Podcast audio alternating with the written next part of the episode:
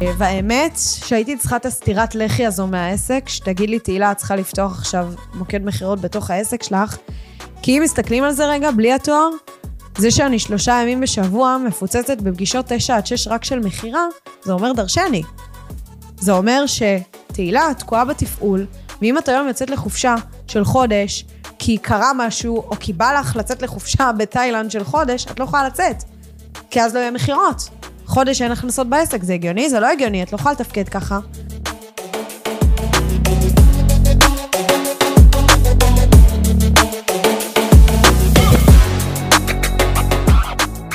יאללה, התחלנו, חברים.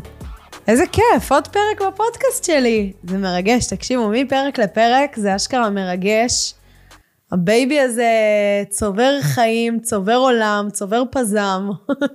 מה יהיה בפרק 80 כזה? שלום, הגענו לעוד פרק. כן, כן, אני עדיין כאן. Uh, תכלס, על מה אני רוצה לדבר בפרק של היום? Uh, תואר. תואר. איזה נושא גדוש זה, נכון? אל תעשו תואר, תעשו תואר, אל תעשו תואר, תעשו תואר.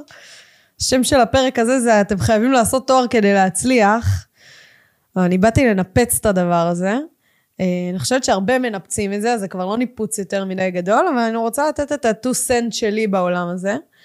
אה, בואו בוא נתחיל מעכשיו, מנקודת זמן עכשווית, כן? בואו לא נתחיל רגע באיך התחלתי ואיך התחלתי, נכנסתי לתואר ובלה בלה בלה, עניינים. אה, אתמול, אתמול היה יום מעניין. אחד מהימים האלה שאתם מכירים שזה לא היום שלכם, זה היה היום שלי אתמול. קמתי הבוקר, עכשיו, מה היה? אני לומדת הנדסת תעשייה וניהול בשנקר. עכשיו, זה לא רלוונטי למקום לימודים שאני עובדת, זה קורה היום בכל אה, מוסד כזה או אחר שהוא ציבורי, אה, שיש בעיות בירוקרטיה, סיוט של החיים. בקצרה, אני לומדת הנדסת תעשייה וניהול בשנקר, זה תואר של ארבע שנים, אני נכנסתי למסלול קול, שזה מסלול של קריירה ולימודים, בתכלס זה השם השני של מסלול ערב. אה, עכשיו, תואר בהנדסה בכללי זה תואר של ארבע שנים, לא של שלוש. וגם במסלול ערב הם עשו את זה תואר של ארבע שנים, פשוט במקום לעשות שתי סמסטרים בשנה, עושים שלוש סמסטרים בשנה. זאת אומרת, גם סמסטר קיץ. זה אומר שלמדתי במשך ארבע שנים רצוף, בלי הפסקת סמסטר. לא היה דבר כזה. ארבע שנים למדתי רצוף את התואר שלי.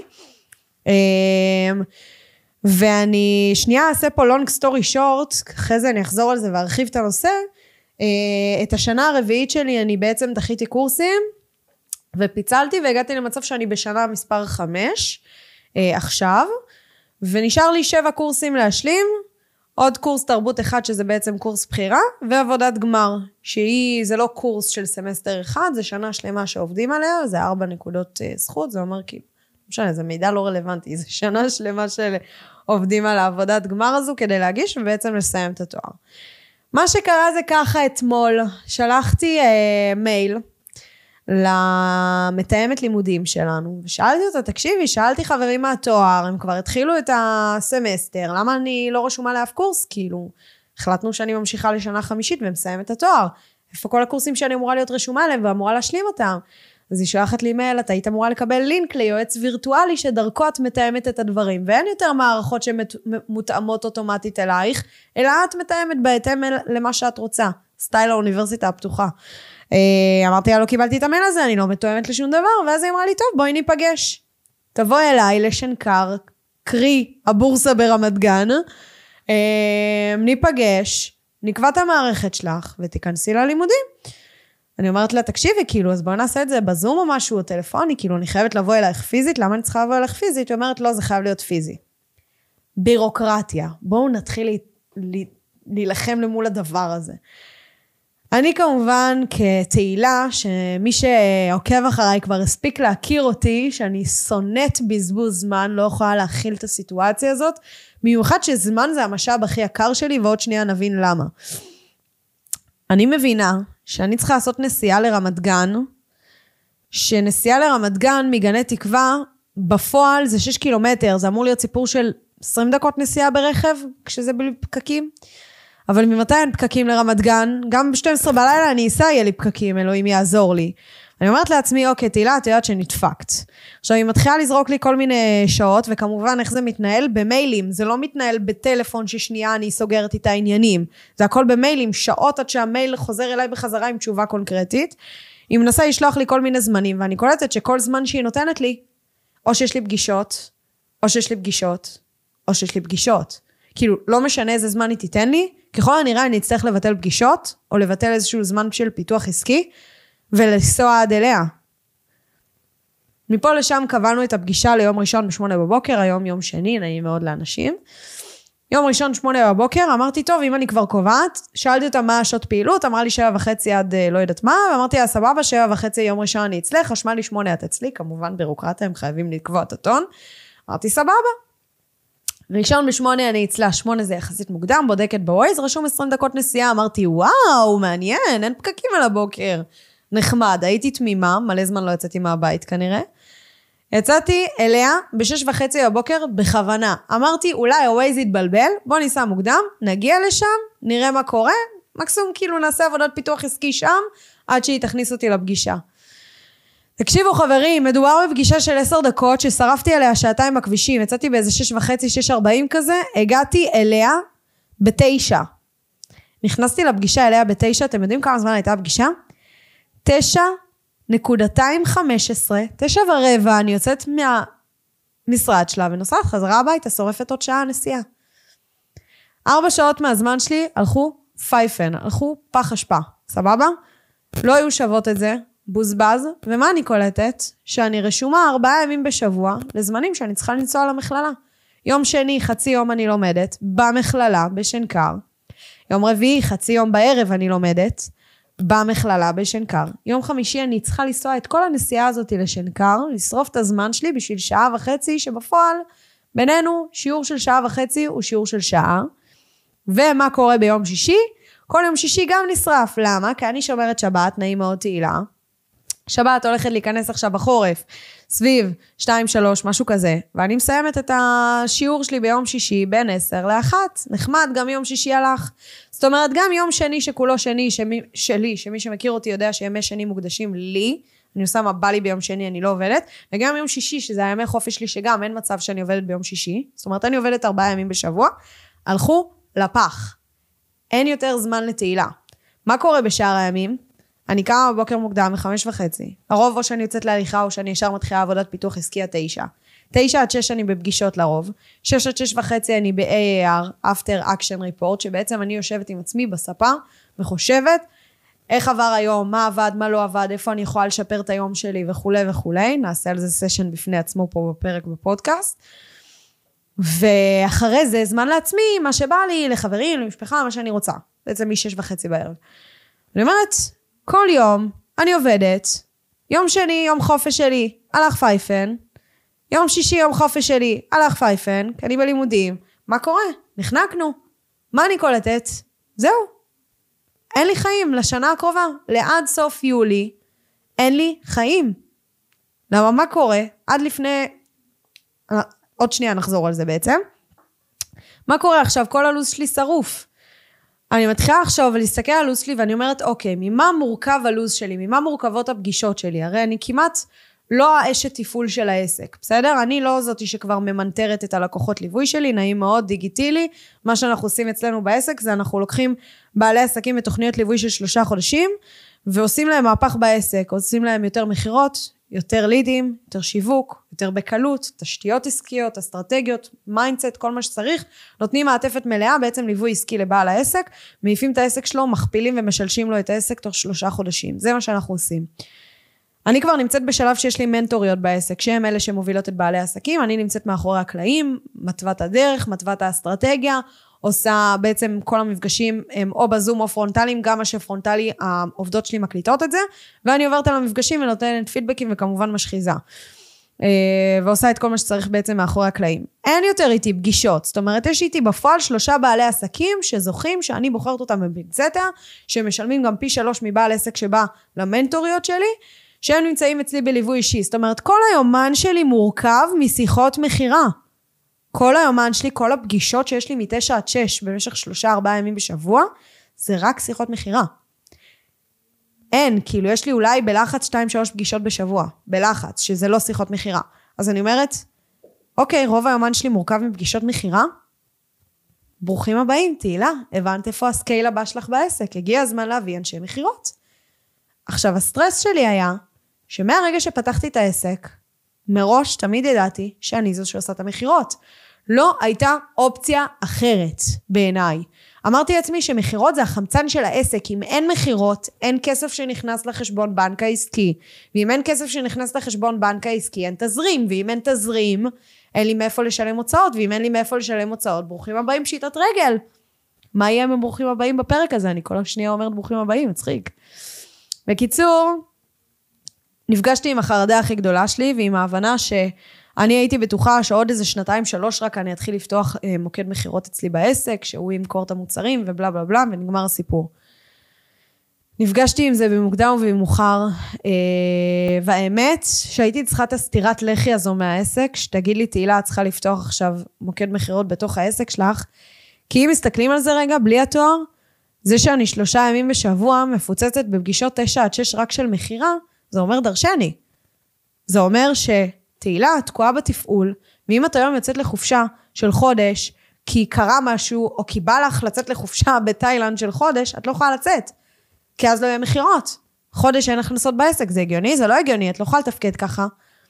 זאת אומרת, הייתי צריכה את הסטירת לחי של, העסק, של התואר בשביל להבין בעסק שאני פועלת לא נכון. ושאני חייבת להכניס, מה זה חייבת? רוצה להכניס מכירות לעסק שלי.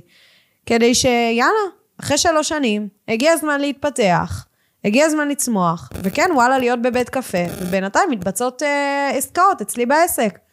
אני יכולה להתקדם הלאה, לעלות לראש ההר, לעלות עוד מדרגה לראש ההר, ולהתפתח, ולאפשר שירותים יותר טובים ללקוחות שלי, יותר מוצרים, ויותר להתפתח ולהפיץ את השליחות שלנו בעולם. הדבר הזה הפגיש אותי עם אחד המקומות הכי עמוקים בחיים שלי, ומזל, מזל, מזל, שבדיוק באותו יום בערב, היה לי פגישת קואוצ'ינג עם ה coach שלי, ואני מספרת לו את הדבר הזה, ואני מתחילה לבכות לו כאילו על היומן שלי, ושאין יותר תהילה. עכשיו, כמובן שזה המסווה לכל הדבר הזה, שיש פה איזה חסם מנטלי פנימי הרבה יותר מלו"ז, ומזה שאין לי זמן להשקיע בעצמי, ולמלא שנייה את הכוס שלי בשביל שאני אוכל למזוג ממנה לאחרים, כי זה לא באמת זה. מה הבעיה פה? הבעיה פה שאני לא מוכנה להתפתח, שאני לא מוכנה להביא איש מכירות לעסק שלי. זה החשש האמיתי.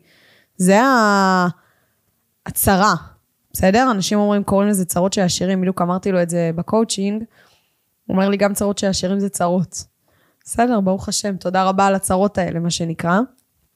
אה, וכשדיברנו ופירקנו את החסם המנטלי הזה, גילינו שיש לי אמונה שורשית כזאת שאומרת שאני צריכה להצדיק את הכסף שאני מכניסה. זאת אומרת, אם אני מכניסה סכום כסף מסוים, אני צריכה לעבוד קשה, בהתאם לאותו סכום כסף שהכנסתי. אחרת אני לא מצדיקה אותו, מה, מה קורה פה? אה, וזה באמת נכון. כי כשאני חושבת על הדברים שהוא אומר לי, אני אומרת, וואלה, אני לא מסוגלת לחשוב, זה, זה הזוי לי, זו תמונה לא הגיונית, שאני יושבת בבית קפה, ופתאום שומעת צלצול של התראה, ומסתכלת ורואה במייל שזוהי, מנהלת המשרד שלי, הוציאה חשבונית מס, כי הייתה רגע סליקה בעסק. לא רואה את התמונת מצב הזאתי. לא ראיתי אותה. לא יכולתי לדמיין אותה, זה היה לי הזוי. התחלנו לדבר על מושג של כסף קל, ומה זה אומר לעשות כסף קל. וכל מה שהיה לי בראש זה כל האלה של ה drop shipping, והשוק ההון, והאלה שמוכרים מוצרי ידע על מה שהם עושים, ותכלס הם עושים כסף על זה שהם מוכרים קורסים על איך לסחור בשוק ההון, יותר מאשר באמת מזה שהם סוחרים בשוק ההון ומרוויחים מזה כסף, או כל הקורסים האלה של ה drop shipping. אני אומרת, כאילו, כסף קל, המילים שעולות לי לראש, שאל אותי מה המילים שעולות לי לראש, המילים שעולות לי לראש על הדבר הזה, שרלטנות. זה, זה לא נכון, זה שקר, זה כזב, זה עניינים.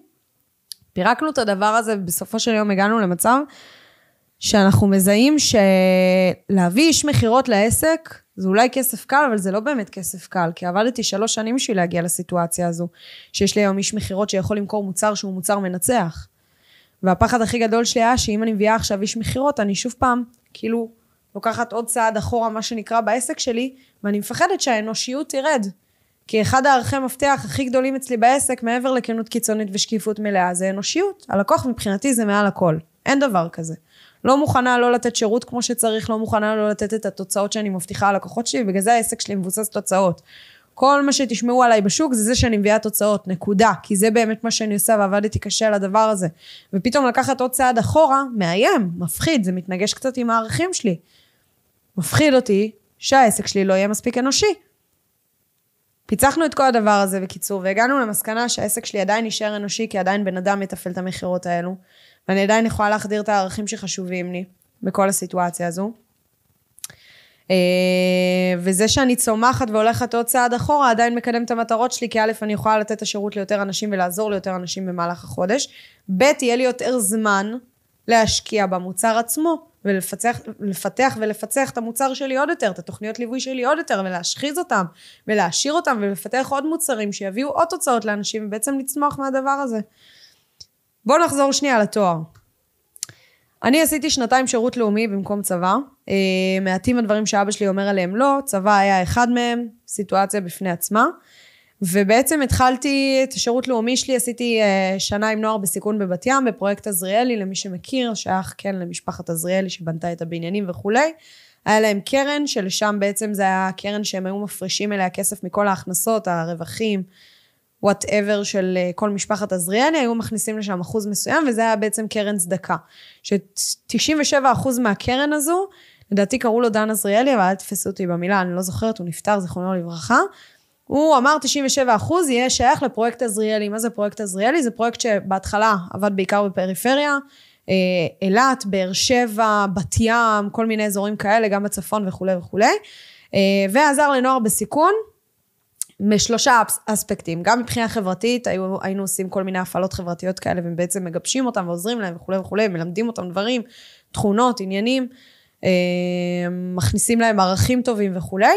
גם מבחינה לימודית היינו נותנים אה, עזרה, בין אם במתמטיקה, בין אם באנגלית ובין אם במדעים, אם אני זוכרת נכון, או רק מתמטיקה ואנגלית לא רלוונטי, בעצם היינו נותנים שיעורים פרטיים קבוצתיים כאלה והיינו עוברים ביניהם, אה, והיה את הפן של ההורים, זאת אומרת היינו עושים, היינו מביאים כל מיני מדריכי הורים, והיינו עושים סשנים חודשיים.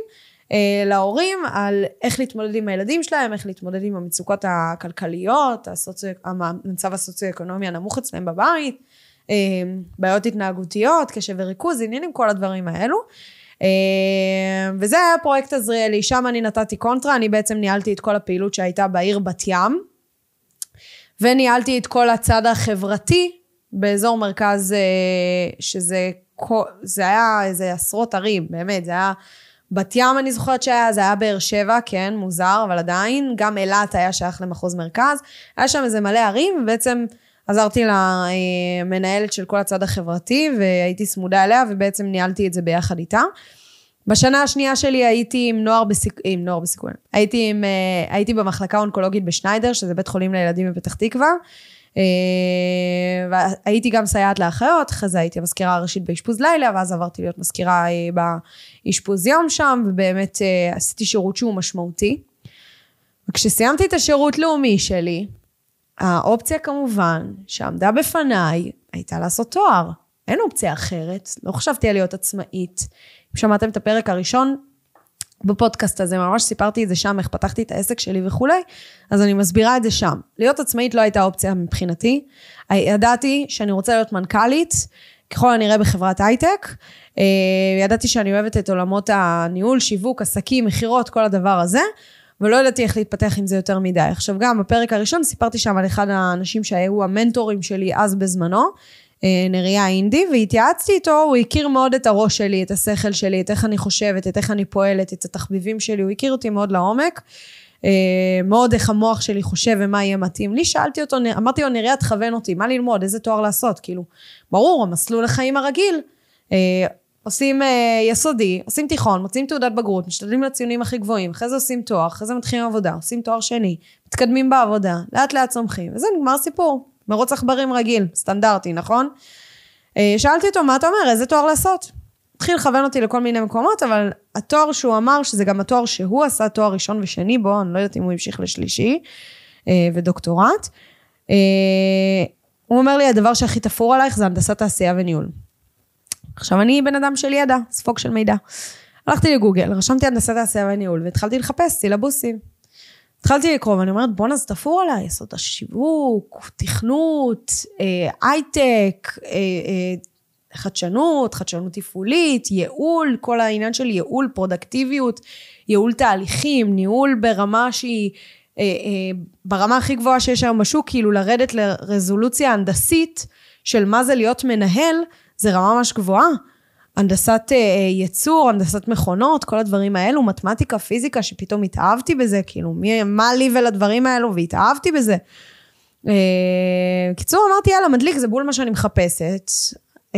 חיפשתי בגוגל גם כזה, כל מי שלומד את התואר הזה, מה המקצועות שהוא עובד בהם אחר כך, וראיתי שזה בעיקר ניהול פרויקטים, שזה בול אני, כאילו אני הכי מנהלת, אני הכי יודעת לקחת פרויקט גדול ולפרק אותו לגורמים קטנים, לעשות אותו בצורה הכי יעילה שיש, להתקדם איתו, להביא אותו על הצד הטוב ביותר, זה בול אני, מדויק לי. אה, כל הניהול מערכות, ניהול הייצור, אה, להיות מנכ"לית, סמנכ"לית, כל הדברים האלה, זה בול, קרץ לי, מדויק למה שאני רוצה. אז אמרתי, יאללה, אני הולכת להנדסת תעשייה וניהול. התקשרתי שוב פעם לנריה, המנטור שלי, אני אומרת לו, טוב, הלאה, איפה אני לומדת? הוא אמר לי, או שאת לא הולכת לומדת באריאל, מוזר אגב שהוא אמר לי את זה, או אריאל, או אה, הוא נתן לי עוד איזושהי אוניברסיטה, אני זוכרת, אני לא זוכרת איזה אוניברסיטה זה היה, אבל זה היה ברור שזה הולך להיות מסלול בוקר. עכשיו, מה שקרה, התלהבו עליי בטירוף שם בשניידר, אה, מצד ההנהלה, לא מצד העובדים עצמם, אבל לא משנה. מצד ההנהלה התאהבו בי בטירוף, אמרו בואנה יש פה בת שירות, אבל היא נותנת עבודה כמו כאילו עובד שמקבל שכר פי שמונה מעובד רגיל אפילו שמה. אה, דפקתי שם עבודה חבל הזמן, אהבו אותי שם במשאבי אנוש. ראש משאבי אנוש זימן אותי לפגישה חודש לפני שהשירות לאומי נגמר, בחודש יולי. אני יושבת שם, מנהל משאבי אנוש של בית חולים שניידר בכללית, הסגנית שלו, והמנהלת, שאני לא זוכרת איך קוראים למחלקה הזאת, אבל זה בעצם המחלקה שמנהלת כאילו את כל התפעול של מערכות הבריאות, אז התפעול של מערכת הבריאות של אה, שניידר. הם שלושתם ישבו איתי שם, ואז הוא אומר, טוב, איך היה לך השירות? אחלה, פה, שם, זה. אתה אוהב את המקום עבודה? לו, נחמד, זה, זה, זה. כאילו, הגבתי לו עניינים. פתאום הוא אומר לי, תקשיבי, אנחנו פותחים פה משרה של רפרנטית. רפרנטית זה מישהי שבעצם מטמיעת מערכות אה, טכנולוגיות כאלה ואחרות, כל מחלקה ומה שמתאים לה. אה, אנחנו פותחים משרה של רפרנטית, השכר שלך יהיה אה, שמונה נטו, בחורה בת עשרים, שמונה נטו, נכנס לך לכיס. שעות העבודה שלכם כאלה וכאלה, זה היה אז משרה מלאה. אה, וזהו, המשרד, המשרה שלך היא פה במשרד, בתוך המשאבי אנוש, בתוך הבית חולים. משרה מאוד מכובדת. אומרת לעזאזל, כאילו בת 20, בלי תואר, בלי כלום, מקבלת משרה כזאת פגז. אמרתי, אחלה, אוקיי, מדהים, הכסף קונה אותי, מה לעשות? זה מרוץ העכברים, הכסף קונה אותנו. ללכת לעשות תואר, כסף, כסף, כסף, זהו, אין לך מה לעשות בתור שכירה יותר מדי. אמרתי, כן, סיימתי את השירות לאומי ב-31 לאוגוסט, משהו כזה, ב-1 לתשיעי התחלתי את העבודה, ככה, בלי הפסקה. יצאתי ל... אמרתי לו מראש שאני אקח איזה טיול של אה, שבוע בברצלונה, אז לא ידעתי מה זה הטיול הגדול במקסיקו, מה שנקרא, שכולם עושים. אה, יצאתי לטיול של שבוע עם חברה שלי לברצלונה, פירקתי שם 8,000 שקל, בול המשכורת. אה, ושנייה אחר כך, אני מתקשרת עוד פעם לנריה אינדי, ואני אומרת לו, תשמע, אני צריכה להתחיל לימודים. כאילו, אוטוטו מתחילים הלימודים באריאל, שנכנסתי לשם.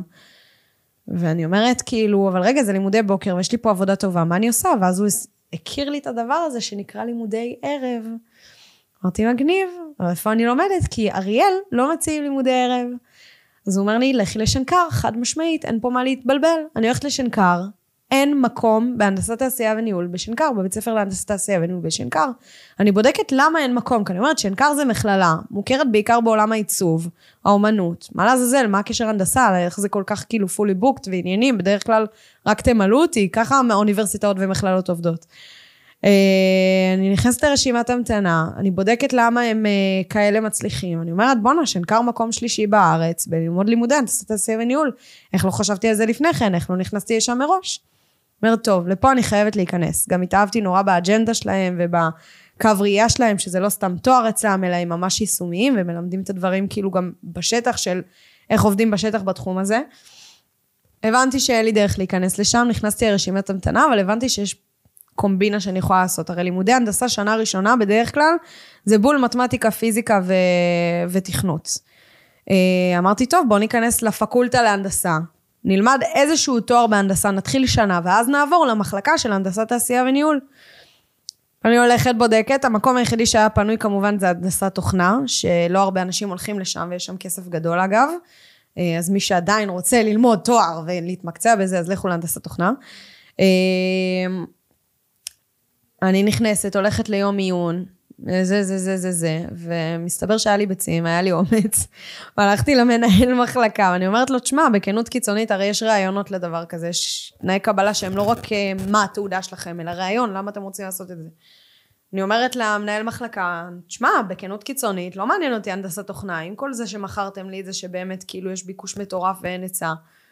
אני רוצה לעשות הנדסת תעשייה וניהול, אני נכנסת לפה כדי שאני אוכל אחרי שנה לעבור לתעשייה וניהול. עכשיו, מחלקות, לכל אחת יש את התקציב שלה, וזה לא היה האינטרס שלו, אבל הוא אמר, בסדר, מקבל את זה, למה? הוא נדלק על הקו מחשבה שלי. הוא אהב ממש, אהב גם את הציונים שלי, אהב את איך שאני אה, מדברת ומה אני רוצה לעשות וכולי וכולי, אמר, אני יודע שאת תישארי בהנדסת תוכנה. קיצור, התקבלתי להת... להנדסת תוכנה, ואז מה אני אומרת לו? טוב, אני צריכה לחשוב על זה, כמו מטומטמת. לא משנה, אמרתי, משהו הרגיש לי שם לא שלם, אמרתי, טוב, בטוח משהו שם השלים לי את החסר.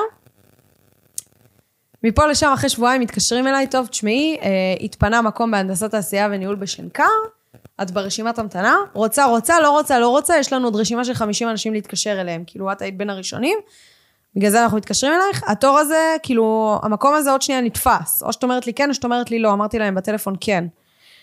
תקשיבו, חברים, נשמות יקרות שלי, רק סיימתי את השירות לאומי וישר נכנסתי לתואר בלי שנייה לנשום. בסדר? ראשון לאוקטובר התחלתי את התואר.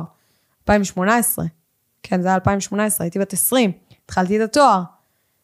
אוקיי? אה, בתואר שלי, תראו, אף פעם לא... אמנם בפרק הראשון סיפרתי שביסודי הייתי מצטיינת, אבל בואו, מה זה להיות מצטיינת? גם הסברתי את זה שם, זה נוסחה, זה פשוט כאילו... אין, זה להיות תוכי של המידע. אין פה יותר מדי מה ללמוד דבר מתוך דבר. התיכון הוכיח לי שכדי ללמוד דבר מתוך דבר, אני צריכה ללמוד ולשבת על הטוסיק. ונורא פחדתי מהתואר, כי אמרתי, מה לי ולהנדסה? כל החיים שלי לא הייתי מצטיינת, לא הייתי הכי טובה, הייתי ב-70-80. כאילו, מה פתאום? תואר בהנדסה. תואר, לא AB, תואר B-Science, תואר מטורף. התחושת מסוגלות עצמית שלי, הערך העצמי שלי היה ברצפה. מה לי ובתואר בהנדסה?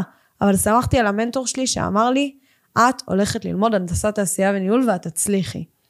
עשיתי את השנה הראשונה, ומהפחד שאני לא אצליח, פלוס ההישגיות שהוחדרה בי מגיל קטן, מאימא שלי ומאבא שלי, גרם לי לסיים את השנה הראשונה בממוצע 98. השנה הראשונה בתואר בהנדסה זה מתמטיקה ברמה מטורפת, פיזיקה ברמות של חשמל, טירוף חושים ותכנות. השנה הראשונה שלי השגתי ממוצע ציונים של 98. סליחה על המילה, אבל פאקינג מצטיינת נשיא. פעם ראשונה בחיים שלי האמנתי בעצמי. פעם ראשונה בחיים שלי קיבלתי גושפנקה, וואלה, תהילה, את יכולה. ולא רק שאת יכולה, את יכולה בגדול, את fucking חכמה, ואת יכולה להצליח. את אשכרה יכולה להצליח בחיים. את יכולה להשיג כל מה שאת רוצה אם את רק תשבי על התחת ותעשי את זה. זה כל מה שהייתי צריכה, את ההוכחה הזאתי. לא משנה שהיה שם אחרי זה איזה קורס אחד, חדו"א שתיים, שהיה מרצה פח אשפה, שזה תירוצים, כן? הרצפה עקומה. לא משנה, לא, לא משנה כמה השקעתי, והלכתי גם למורה פרטי ועניינים, לא הצלחתי להבין את הקורס הזה, קיבלתי שם איזה 70. מממוצע 98 ירדתי לממוצע 92 בשנה הראשונה. כאילו כל העבודה הקשה כזה לא הלכה פייפן, אבל uh, כזה נחתה. והתבאסתי מאוד, כי לא רק שלא קיבלתי את התעודה של המצטיין נשיא, לא קיבלתי גם את התעודה של המצטיין דיקן. היה לי ממוצע 92 או 93 נקודה משהו, והיו מספיק אנשים מעליי שפשוט כבר קיבלו את התעודה, ואני לא נכנסתי לרשימה. זה היה כזה תחושה של באסה. אה, אבל אז בדיוק בסוף של השנה הראשונה היה את הקורס ביסודות השיווק, ובפרק הראשון סיפרתי ככה איך פתחתי את העסק, ובשנה השנייה של התואר שלי פתחתי את העסק. עכשיו, בשנה השנייה של התואר היה את הקורונה. ובפברואר 2020 פתחתי את העסק, במרץ כולם נכנסו לסגרים, כל התואר שלי הפך להיות בזום. ואחרי ארבעה חודשים של עבודה בעסק, כזה וניסיון של שיווק ולהרים אותו ועניינים, אני מתחילה להראות שיש תוצאות. אנשים מגיעים, מתחילה לסלוק, מתחילה לצמוח, גדלה, פתאום מבקשים ממני ייעוצים אישיים. אז במקום לנהל עמודים, פתאום אני הופכת לנישה של ייעוץ אישי וסדנאות, ומתפתחת לתוך הדבר הזה. אמ,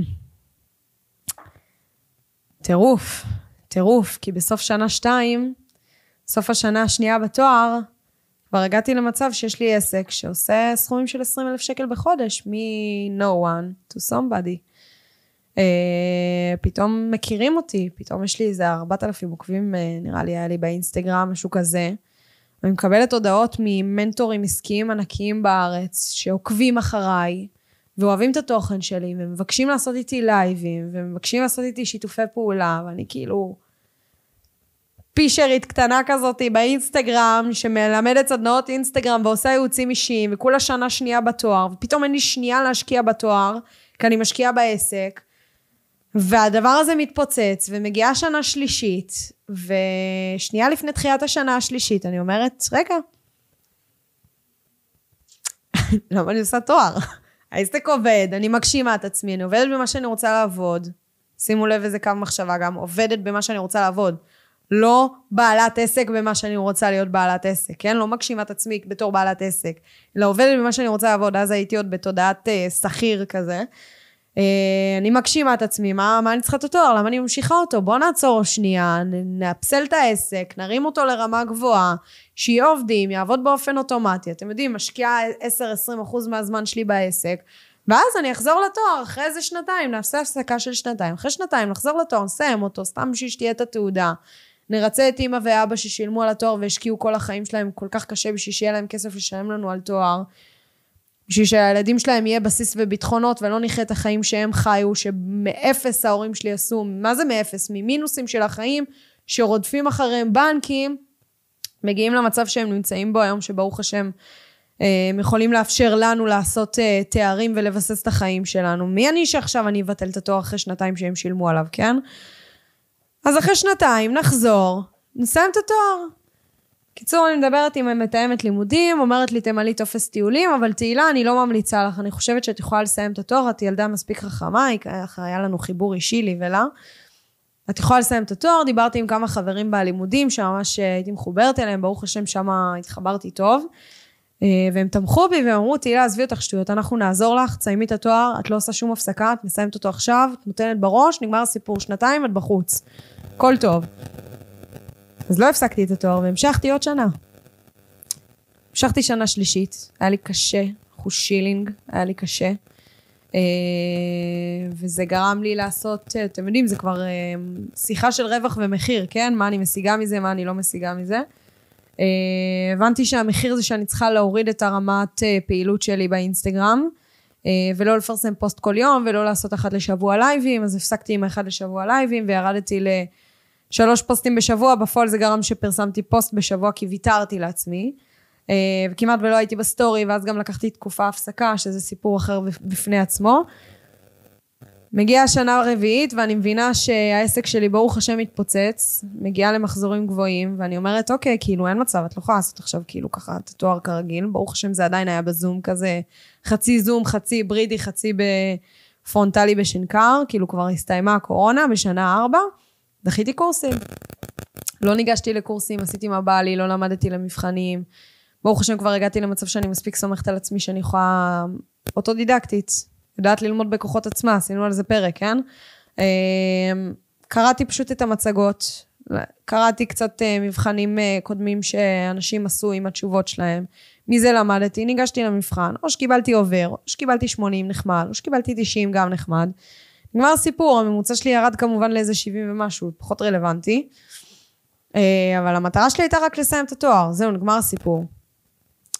הרבה מבחנים, לא עברתי. והרבה מבחנים גם לא ניגשתי אליהם. למה? כי היו לי דברים יותר חשובים. פתאום צצה לי הזדמנות עסקית כזו, ועסקה כזו, ופתאום הייתי, הוזמנתי להרצאה פה, ועשיתי ככה, ו- ותוכניות ליווי, ועניינים, והתפתחתי בטירוף. אז אני אומרת, אוקיי, למה אני צריכה לגשת למבחנים? בסדר, נדחה אותם לשנה חמישית, אין מה לעשות. באותה תקופה גם סבתא שלי נפטרה. אה, והעדפתי להיות עם המשפחה, פחות לגשת למבחני סוף שנה ארבע. קיצור, דחיתי לשנה חמש, מפה לשם מזמנים אותי לוועדת הוראה, למה? לא קראתי, לא קראתי את הסעיף בחוזה שאומר, אה, מתוקה, אסור לך להיכשל יותר משלוש קורסים בשנה, כי אז אה, את לא, לא יכולה להמשיך את התואר. מעלים אותי לוועדת הוראה, שרופים לי על הצורה שם, כי בשנה הראשונה שהייתי ממוצע 98 אגב, יצאתי גם למשלחת בהודו, וקיבלתי שם 100 על הדבר הזה. אה, למדתי בהודו תקופה של עשרה ימים, זה היה ממש מגניב ומעניין. בקיצור, ממש אהבו אותי שם בתואר והחזיקו ממני, ונתנו לי להמשיך את התואר, בתנאי שאני מסיימת שנה חמישית, ואני לא מרחיבה עוד את התואר, מסיימת את כל הקורסים, עושה את העבודת גמר, אסור לי אה, לקבל פחות מ-80 באחד מהקורסים, אה, וככה אני חייבת לסיים אותו. באותו בוקר, כשאני נוסעת למתאמת לימודים שלי ולתאם את הקורסים, מתקשרת לאימא שלי כשאני בפקקים, עצבנית, סתם, לא באמת הייתי עצבנית, אבל כאילו במנטלית כזה הייתי עצבנית. ואני אומרת לאימא שלי, אימא, תקשיבי, נשבעת לך, עזבי אותי תואר. עם תואר, אני לא הולכת למכולת. עם התעודה הזאת, אני לא הולכת למכולת ומשלמת את הקניות של הבית, נכון? אין דבר כזה. זה לא קורה. העסק שלי היום, ברוך השם, צומח. אני לא צריכה את התואר הזה, אימא. אני אשלם לך את כל מה ששילמת לי על התואר, תני לי לא לסיים את החרא הזה. סליחה על המילה. תני לי לא לעשות את זה. לא רוצה לעשות את זה. עזבי אותי, תראה, אני סתם מבזבזת את הזמן שלי. סתם. אני יכולתי עכשיו לעזור ליותר אנשים, להתפתח יותר בעסק. למה אני צריכה את זה, אימא? ואני כאילו כבר מתחילה לבכות לה. ואימא שלי, כפרה עליה, נתנה לי גב, ונתנה לי תמיכה, אמרה לי, תשמעי, תהילה, ברור שהיא התבאסה מזה, כן? אבל היא אמרה, תשמעי, תהילה, את רוצה? תפסיקי את התואר, אל תעשי את התואר, בסדר? אבל בינינו, זה שאת לא מסיימת אותו, את מוותרת לעצמך, וזה מראה שאת לא יודעת לנהל את עצמך נכון. כי זה הכל עניין של ניהול זמן וניהול אנרגיות. ואם את לא יודעת לנהל את הזמן שלך ואת האנרגיות בהתאם לזה שאת מסיימת את התואר שלך, כי מה נשאר לך? שבע קורסים בשנה? מה זה שבע קורסים, תהילה? מה זה שבע קורסים? עשית דברים פי שמונה יותר גדולים בעסק שלך. עשית דברים פי שמונה יותר גדולים בחיים שלך. מה זה לשלב עוד שבע קורסים בתוך החיים שלך עכשיו? את קוויטרית? את בן אדם שמפסיק באמצע? את בן אדם שכשקשה הולך הביתה? הולך למיטה? הולך ישן? לא. את נלחמת. את נותנת בראש. ואיך שאת עושה דבר אחד, ככה את עושה את הכל. אם את עכשיו עוזבת ולא מסיימת את התואר שלך, מתחילה משהו ולא מסיימת אותו עד הסוף, את תראי שזה דפוס התנהגות שיוביל אותך בחיים. וכל פעם שיהיה לך קצת קשה, את תלכי. או אפילו שיהיה לך קצת קשה ואת תתמודדי, וקצת קשה ותתמודדי, אבל אז פתאום יהיה לך קשה מאוד, את תלכי. את לא תסיימי עד הסוף, את לא תילחמי. ובעולם העסקים, אם את לא נלחמת כשקשה לך, ואת לא עושה דברים, לא מעניין אותך כלום, כי לא, זה לא אופציה, אז נשמה שלי, את לא תגיעי ליעדים שלך בחיים. את לא בן אדם קוויטר, ואת הולכת לסיים את התואר הזה, ואת הולכת לתת בראש, ומי כמוני יודעת כמה את יכולה לעשות את זה. עכשיו, זכיתי, זכיתי לזה שאימא שלי תבוא ותגיד לי את הדברים האלו. ובינינו גם עבדתי קשה כדי שאימא שלי תדע לבוא להגיד לי את הדברים האלה, כי הוכחתי את עצמי בשטח, כן? אבל ברוך השם, אימא שלי נתנה לי בראש. ותראו לאן זה הוביל אותי. השיחה הזאת בבוקר איתה גרמה לי לשבת עם המתאמת לימודים, להכניס את אותם קורסים ללו"ז שלי, לקלוט שהלו"ז שלי מפוצץ במכירות, לשבת עם הקואוצ'ר שלי, לשבור את החיים שלי, לעבוד קשה מנטלית, להתפתח על מי שאני, ולהבין שכל התסכול מזה שאני צריכה לסיים את התואר, בכלל לא יושב על זה שאני צריכה לסיים את התואר. על מה הוא יושב? על זה שאני לא מוכנה לקבל את העובדה שאני היום, אחרי כל מה שבניתי, יכולה לעשות כסף קל במרכאות בעסק שלי, ולהעסיק איש מכירות ולהתחיל להתמנף. הגיע הזמן. תהילה, זה לא עוד שנה, שנתיים.